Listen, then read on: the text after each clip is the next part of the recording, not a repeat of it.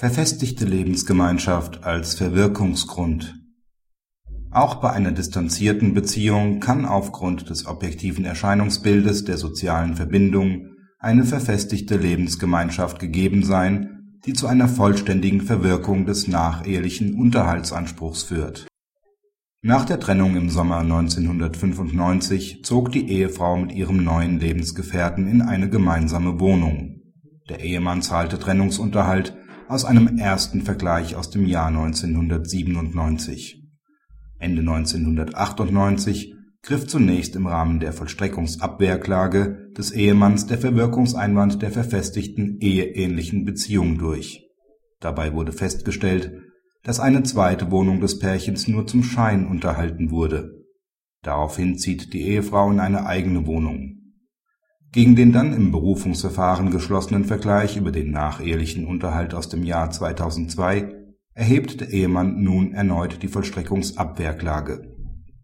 Das Amtsgericht weist die Klage ab, da der Verwirkungseinwand nicht durchgreife und zudem der Einwand der Präklusion aus § 767 Absatz 2 ZPO entgegenstehe, denn die Lebensgemeinschaft bestehe seit Vergleichsschluss unverändert hiergegen gerichtete Berufung ist erfolgreich. Die Präklusionsnorm des § 767 Absatz 2 ZPO gilt bei gerichtlich protokollierten Vergleichen mangels Rechtskraftwirkung nicht. Ferner stellt das OLG fest, dass die Ehefrau trotz der getrennten Wohnungen in einer verfestigten Lebensgemeinschaft lebt. Hierfür spricht, dass die Partner fast alle Wochenenden, die Feiertage und die Urlaube miteinander verbringen Familienfeste gemeinsam besuchen, Versorgungsleistungen erbracht werden und an den Wochenenden gemeinsame Übernachtungen stattfinden. Die räumliche Trennung steht der Annahme einer Verfestigung der eheähnlichen Beziehung daher nicht entgegen.